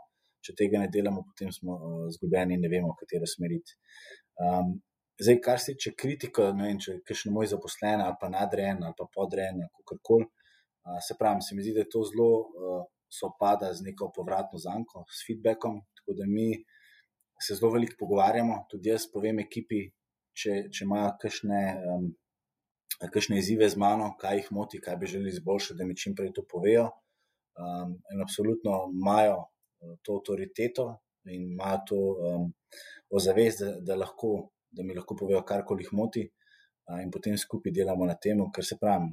Uh, lider oziroma vodja je tista oseba, ki stalno raste in se zaveda, da ni popoln. In če se tega zavedaš, pa mislim, da, da, da si zmagovalec. In jaz, ena glavnih stvari, no, ki se še zmeraj učim, je uh, ego, da je treba brzati svoj ego, da ego nikoli ne sme prevladati. In, um, in če, če se tega zavedaš, da je ego včasih tista težavica, ki ti mogoče malo nagaja, uh, pa mislim, da boš kar daleč prišel.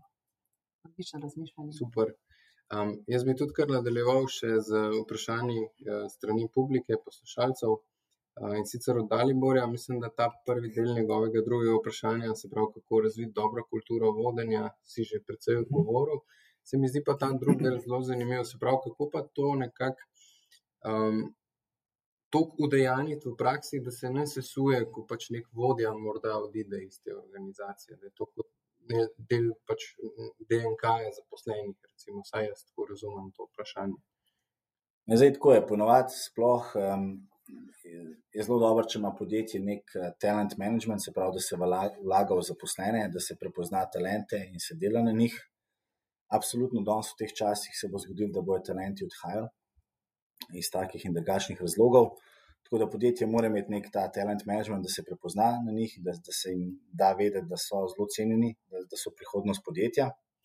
Če bojo to naredili, se bo verjetno ta uh, retention predvsem povešil, uh, oziroma ne bojo zaposleni odhajali. Uh, druga stvar je, to je zelo dolgoročen proces. To traja precej let, da se neka kultura spremeni, zamenja, transformira. Eh, in ponovadi se to zgodi skozi določene procese, kot sem že prej omenil, smo v BDC-u to vzpostavili kar nekaj časa. In glavna stvar je, da se v bistvu prepozna vsakega posameznika, da ima vsak posameznik idejo in da se to upelje, in potem se naredi nek celovit proces, kako se te posameznike sliša, zdaj so to letni razgovori, ali so to neke strateške konference, kjer se ekipe predstavljajo, kjer se delijo ideje. Um, Prestopajo precej veliko, ampak se mi zdi, da je bolj je pomembno to, no, da, da prvič, da ima podjetje podporo menedžmenta, da gre v neko transformacijo, drugič, da se vsi zavedamo, da so spremembe dobre in pozitivne, da se jih ne smemo bati, da jih je treba sprejeti. In pa tretjič, da je treba res vključiti vsakega posameznika, od, kot sem že prej rekel, gospe kuharice do predsednika uprave. Super. Um, potem bi pa nadaljeval še s tem, ki je tudi meni osebno zelo zanimiv. Um, kako spremeniti paradigmo, predvsem v javnem sektorju, da osebo, ki ima ogromno znanja in izkušenj v vodenju, uh, po odhodu v pokoj za javni sektor ni več zanimiv, kakšna izguba je to za organizacijo, predvidevam. To je tudi, seveda, še vprašanje v dalje borja. Sprav, kako tako osebo?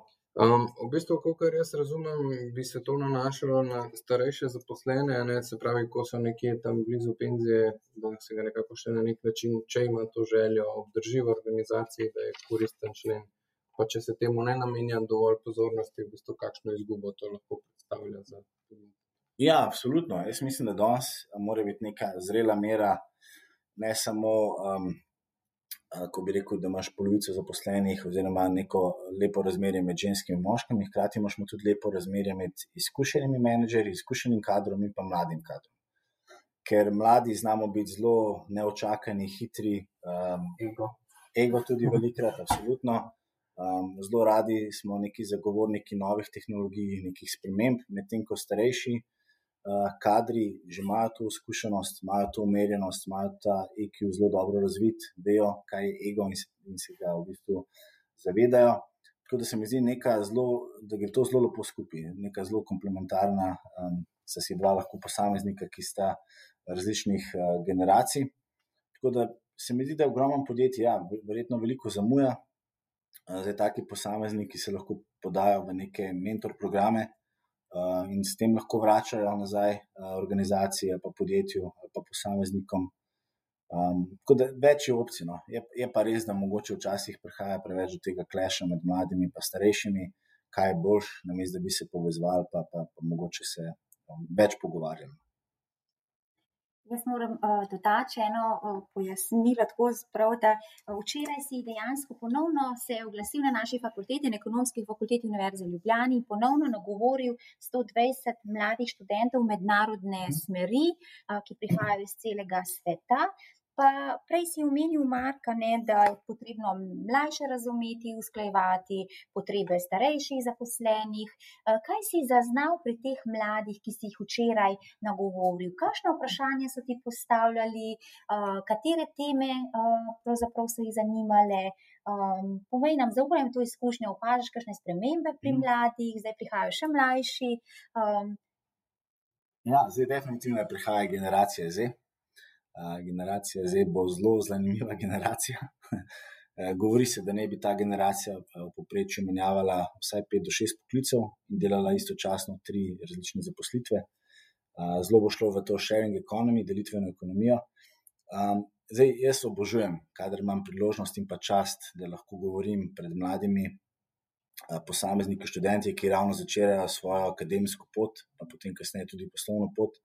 Tako da jaz eh, kar črpam energijo, ko vidim take mlade obraze in tudi včeraj sem jo in je bilo res odlično.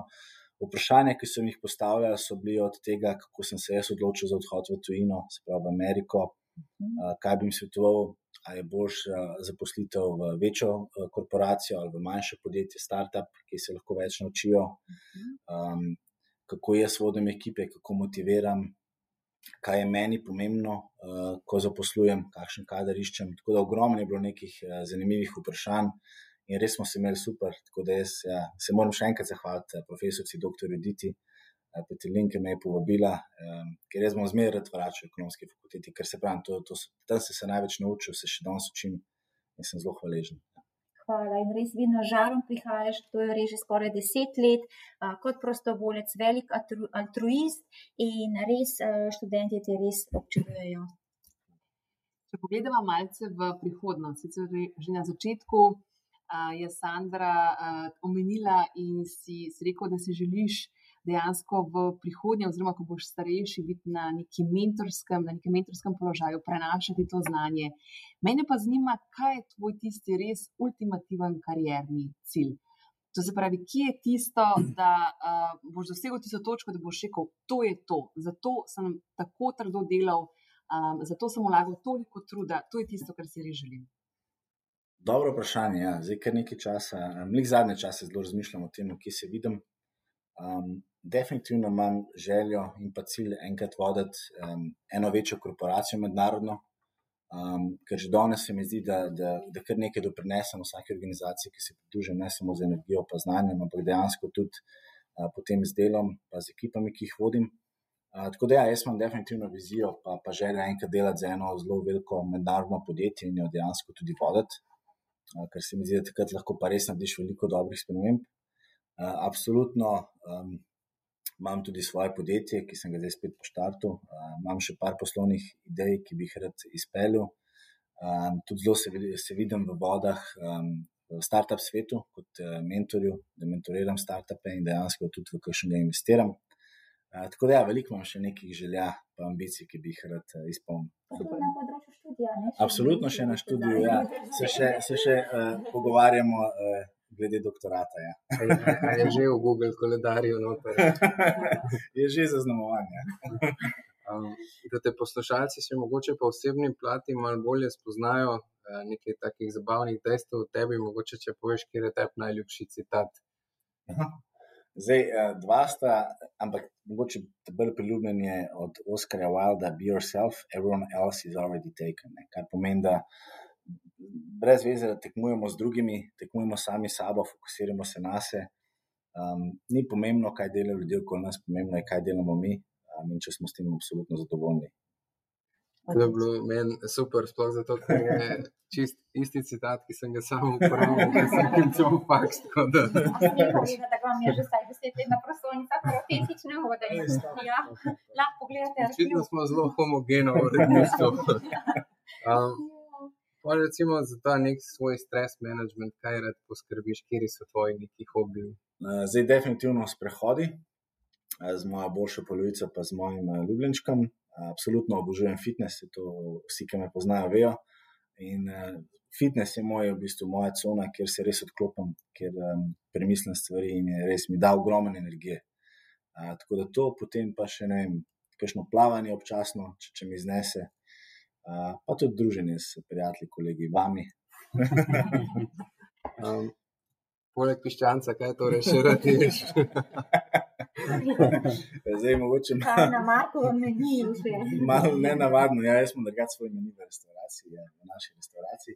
Um, ja, jaz smo drugačni zelo redke vrvice, um, zelje, papir, krompir, to je po mojem moja najljubša hrana, um, ki mogoče ni najboljša za, za zdravje, če bi jo veliko jedel. Ampak ja, mi jo pa, jo pa zelo obožujem, tako da zdaj prihajajo te časi. Zimski. Če, če bojo razmere boljše, točno vemo, kje je restauracija. Potem še tvoji najljubši api, ki jih uporabljaš. Ja, definitivno uh, Google Calendar, um, tega si zelo veliko uh, zaznamujem in imam res zelo, zelo organizirane dneve, pa tedne. Tudi noter si dam, doskrat si ljudje uh, pozabijo, jaz si dam noter tudi reminderje, ne vem, povabi to kolegico, kolega na kavo, ker čas zelo hitro beži in na te stvari pozabljamo. In jaz vem že pri sebi, ker gre čas tako hitro, tedni zelo hitro minevajo, včasih kar pozabimo. Eh, s svojimi dobrimi kolegi se slišati in en drugega, mogoče malo zanemarimo, ker imamo vsi um, zelo natrpane urnike, tako da si dan tudi take malenkosti noter. Um, ja, pa definitivno je Notes ena boljših aplikacij za me, ker veliko stvari, ki se spomnim ali na sprehodu ali pa ko grem spat, si jih noter zapišem, pa Castbox za podcaste. Ja. Mi je zelo, zelo dobro. Super. Jaz, jaz moram spet priznati, da tudi jaz sam v Google koledar take stvari zapišem in da tudi zelo rad uporabljam. Jaz pa zelo rada poslušam podcast. Um, potem se pravi, zdaj, kot sam tudi vedno rad omeniš, poslušam na zelo širok spektr poslušalcev, od uspešnih gospodarstvenikov, izjemnih akademikov, pa jaz tudi upam si reči velikih mladih upov, ki bodo to v prihodnosti še enkrat vse postali. Um, tvoji trije oziroma štirje najboljši sveti za, za njih, za prihodnost. Oziroma mogoče celo pet. Ja. Pustimo se presenetiti. Zdaj, malo mal bom uh, mogoče iz angleščine pa slovenščine preklapljal, ker sem imel ravno včeraj mednarodne študente. Ampak uh, ena je taka zelo, ki, ki jo res vsakmu toplo priporočam in jo tudi sam, mislim, da jo vsi štirje tukaj živimo, je challenge yourself every day, se pravi, bodi boljši, drznejši vsak dan, oziroma kot si bil včeraj. Um, potem keep moving forward, se pravi, pet naprej, ne ustavi se, sploh ne ustavi se, ko slišiš ne. Uh, to lahko zgolj pomeni ne danes, oziroma ne ta trenutek. Uh, tudi jaz sem veliko dobil že kakšno zavrnitev, pa ne, pa sem potem še probavil. In doskrat se je zgodilo, da se je ta ne spremenil v ja, ali pa ta oseba, ki mi je rekla ne, me povezala s kakšno drugo osebo, ki mi je potem rekla ja. Um, potem tam je blazno fascinantna in res ena, ena boljših naukov, ki bi jo dal, je pressure is a privilege. Se pravi, pritisk je, um, je dejansko nekaj pozitivnega v življenju. In smo lahko presrečni, če imamo pritisk iz večjih področji. To pomeni, da smo na dobri poti, to pomeni, da smo uspešni, to pomeni, da smo proaktivni, da se nam dogaja, um, da dejansko iščemo nove priložnosti, iščemo nove izzive. Tako da ne se ustrašite, če bo prišel trenutek, ko boste rekli: Jaz sem pa tako pod pritiskom, to, koliko se mi dogaja. To samo pomeni, da ste uspešni in ste točno tam, kjer morate biti, na ta pravi poti. Um, pol definitivno obkroži se uh, z uspešnimi ljudmi in izboljšuje in veča svoj network. In pa mogoče zadnja, ki je spet angliška. Um, včasih si rečemo uh, frazo, oh, I have to do this again. In zdaj, če, te, če to frazo malo obrnemo in rečemo, I get to do this again. Se pravi, ne, to moram narediti, ampak to, um, to želim narediti, oziroma to lahko delam. No. Tako da Eh, doskrat se potem mindset in naše razmišljanje posebno obrne, če, če si ta stavek ponovimo. Ne, to moram narediti, ampak to lahko naredim. Eh, to uživam v tem. Tako da to bi bili moji zaključni nauki za naše izjemne posameznike. In, zdaj lahko re, še enkrat rečem, da se zelo dobro počutim, oziroma zdaj, če dalje boljš, ker smo zaključili.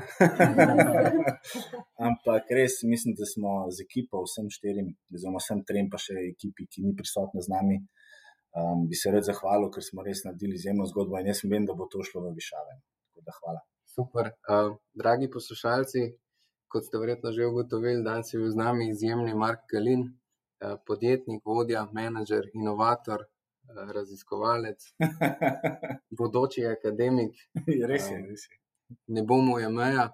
Um, Mark, iskrena hvala za vse tvoje znanje, pa tudi za tvoj čas, da si se nam pridružil še na drugi strani mikrofona. Marko, stani kot si in danes smo tudi posneli rekordno dolg podcast, si prvi in uh, ostani kot si. Hvala, hvala Sima, Sandra in Maja. Hvala. Res, hvala. hvala.